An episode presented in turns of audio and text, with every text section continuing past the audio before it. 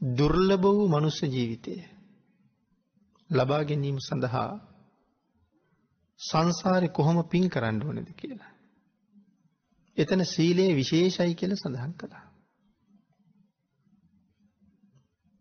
වෙනසනි සම්මාධිට්ටික මනුස්ස ජීවිතයක් ලබන්ට දැ ලෝක මිනිස්සු කොච්චර ජීවත්වෙනවාද. මිනිස්සු කොච්චර ජීවත්වෙනවා වුනත් හැමෝම සම්මාධිට්ටික නෑනේ. නමුත් පෙරපින් කරපු අය ඕන තරන් ඉන්න බව පේනවා. තැන් අපි කතා කරන මේ රටවල් පිළිබඳව කල්පනා කරහම බොහෝම ධනවත් ජීවිත ගත කරනයි ඉන්නවා. දැන් ධර්මය සඳහන් කරන ප්‍රධාන කාරණයක්නේ සිල්වත් වෙන්ඩ වෙන්ඩ ධනවත් වෙනවා කියන එක. තැන් ඕක සාමාන්‍ය කෙනෙක් තේරුම් ගන්න. සිල්වත් වෙන්ඩ වෙන්ඩ ධනවත් වෙන එක තමයි සිල් රචන එකේ මෙලව ලැබෙන ප්‍රධාන ආනිසංස වලින් එක. නමුත් මිනිස්සු කල්පනා කරන්නේ සිල් කඩන්න කඩන්න ධනවත් වෙන්න පුළුවන් කියලා. ඒ නිසානේ ධන යූපයන්ට වැරදි ක්‍රමවේද පාවිච්චි කරන්න හරියට. නෑ භාග්‍යතුන් වහන්සේගේ දේශනාව සිල්වත් වෙන්න වෙන්න ධනවත් වෙනවා කියන එක. අපි ඒ කාරණාවත් ටිකක් සාකච්ඡා කරමු. අපි එතකොට මේ සම්මාදිට්ඨික රටවල් වල ඉපදිච්ච මිනිස්සු දුප්පත් වෙයි කියන කාරණාව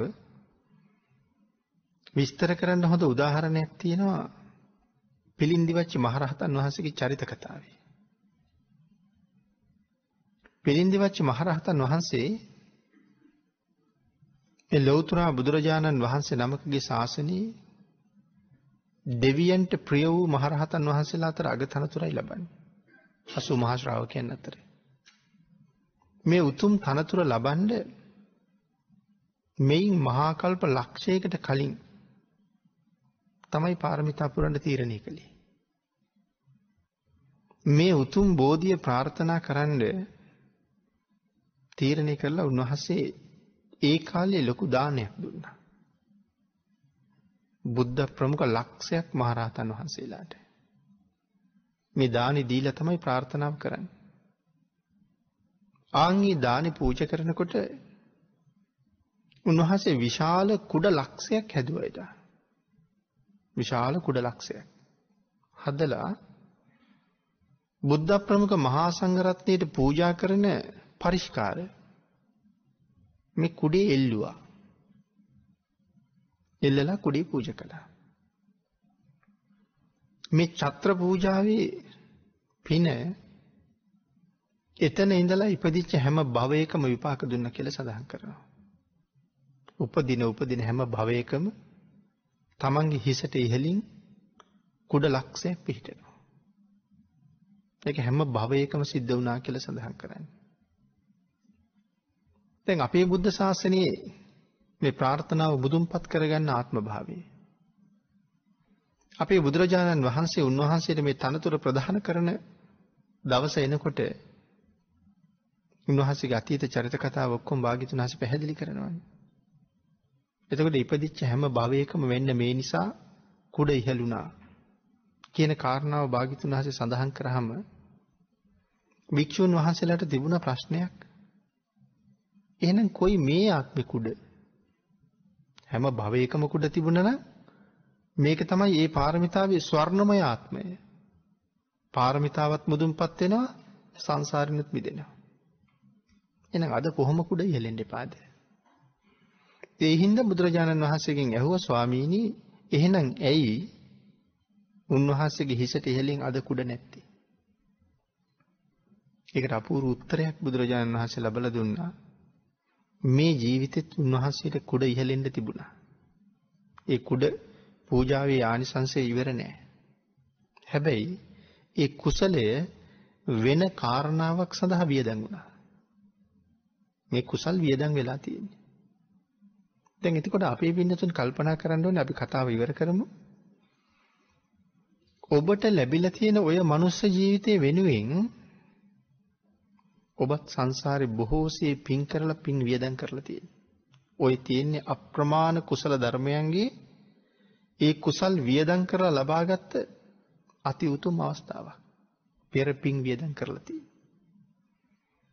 සම්මාදිට්ඨික නැති කෙනෙක් ඒ ජීවිතය ලබන්න වියදම් කළාට වඩා මේ අති උතුම් සම්මාදිට්ඨික මනුස්ස ජීවිතය ලබන්න ඔබ බොහෝසේ පින් වියදම් කළා.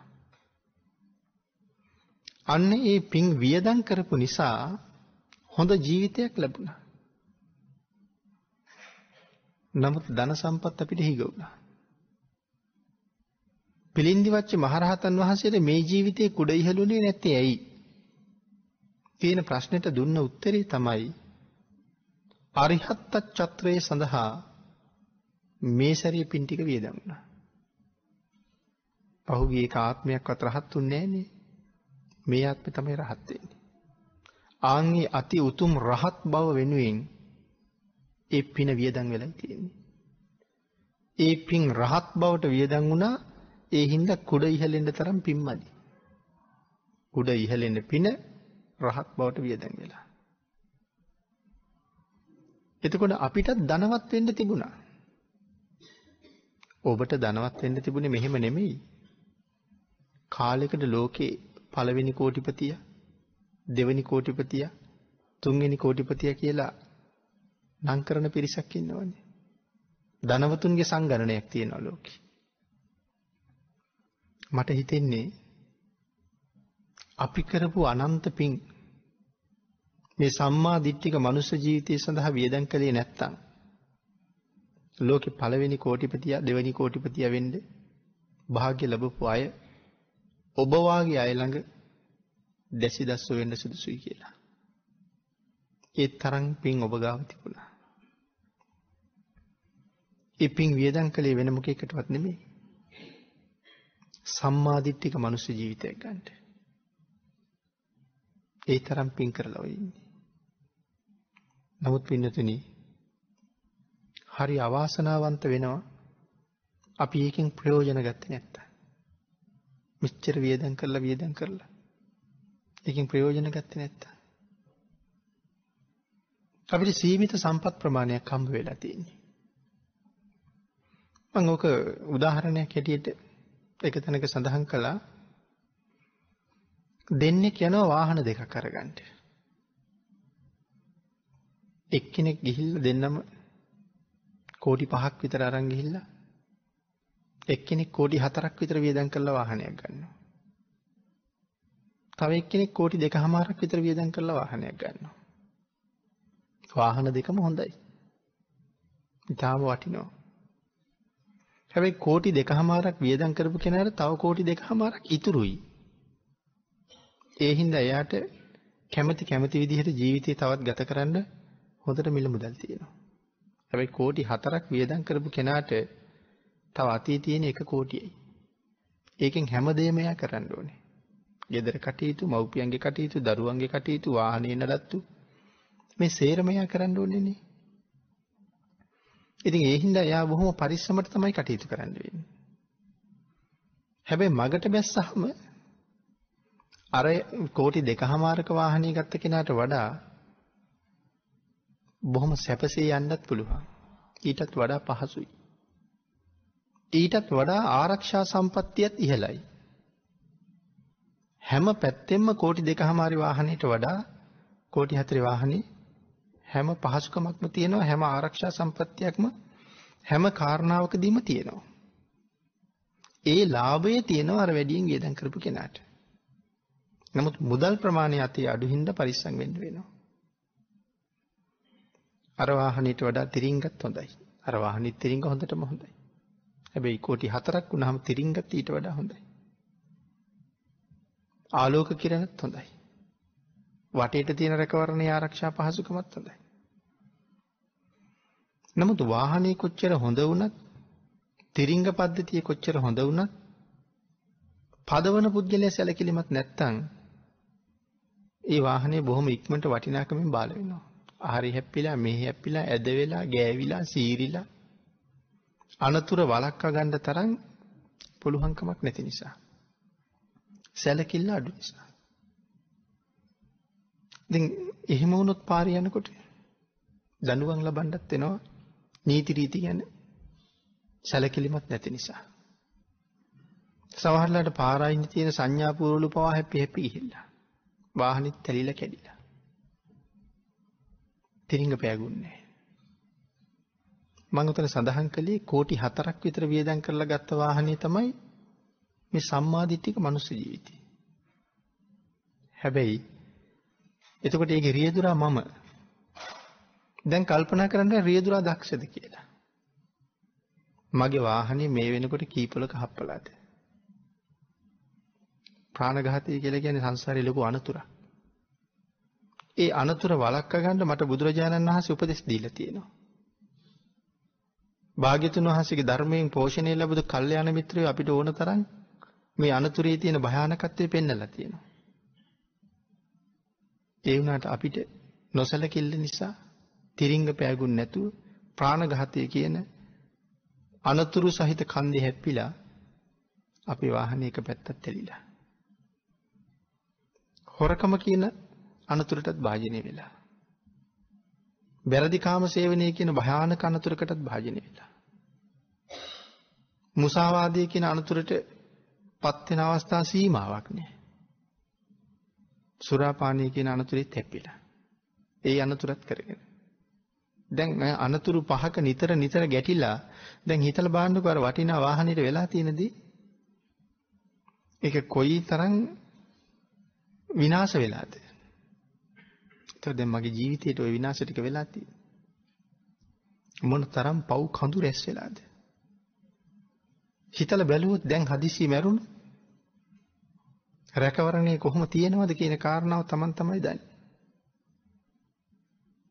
ආන් ඒකින්ද අර වාහනේ පරිස්සම් කරනවා වගේම මේ ලැබිච්ච උතුම් ජීවිතේ පරිස්සම් කරන්න ඕනේ.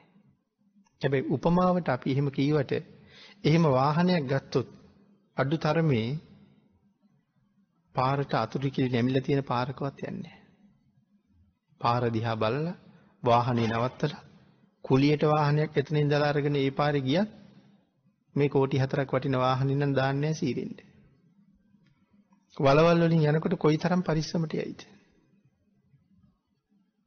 දැන් ඊ දිරලා යන වාහනේ එච්චර රකින්නවා. ඊට වඩා වටින මනුස්ස ජීවිතේ හැමතැනම හීරිලා. අකුසල් වලින්ම හීරිලා. ඊර්ෂියාව, ද්වේෂය, වෛරය, ක්‍රෝධය මේ හැම අකුසලයක්ම ඇවිල්ලා අපිව තුවාල කරලා. ආන් ඒ දේවල් වලින් මගහැරලා මේ ජීවිතේ පරිස්සම් කරන්න ඕනේ. මොකද ඒ තරම්ම පින් කරලයි මේ ජීවිතේ අරන් තියෙන්නේ. මේ ජීවිතේ ගන්න වියදම් කරපු නිසායි මෙහෙම දුප්පත් බවක් තියෙන්නේ. දැන් එහෙමනම් ඒ උතුම් ජීවිතෙන් ආපහු ආපහු හම්බ කරන්න ඕනේ. හම්බ කරන හැටිත් භාග්‍යතුන් වහන්සේ දේශනා කළා උතුම් සීලයෙන් යුක්තව සිල් හම්බ කරන්න ඕනේ, ಗುಣ හම්බ කරන්න ඕනේ. සිල්වත් ගුණවත් බවින් ජීවිත හැම වෙලාවෙම පිරෙන්න ඕනේ. ආදරයෙන්, දයාවෙන්, කරුණාවෙන්, මෛත්‍රියෙන් හැම වෙලාවෙම පිරෙන්න ඕනේ. ඒ පුද්ගලයාට තමයි ලැබිච්ච මනුස්ස ජීවිතේට හැබෑම සාධාරණයක් කරන්න පුළුවන් වෙන්නේ.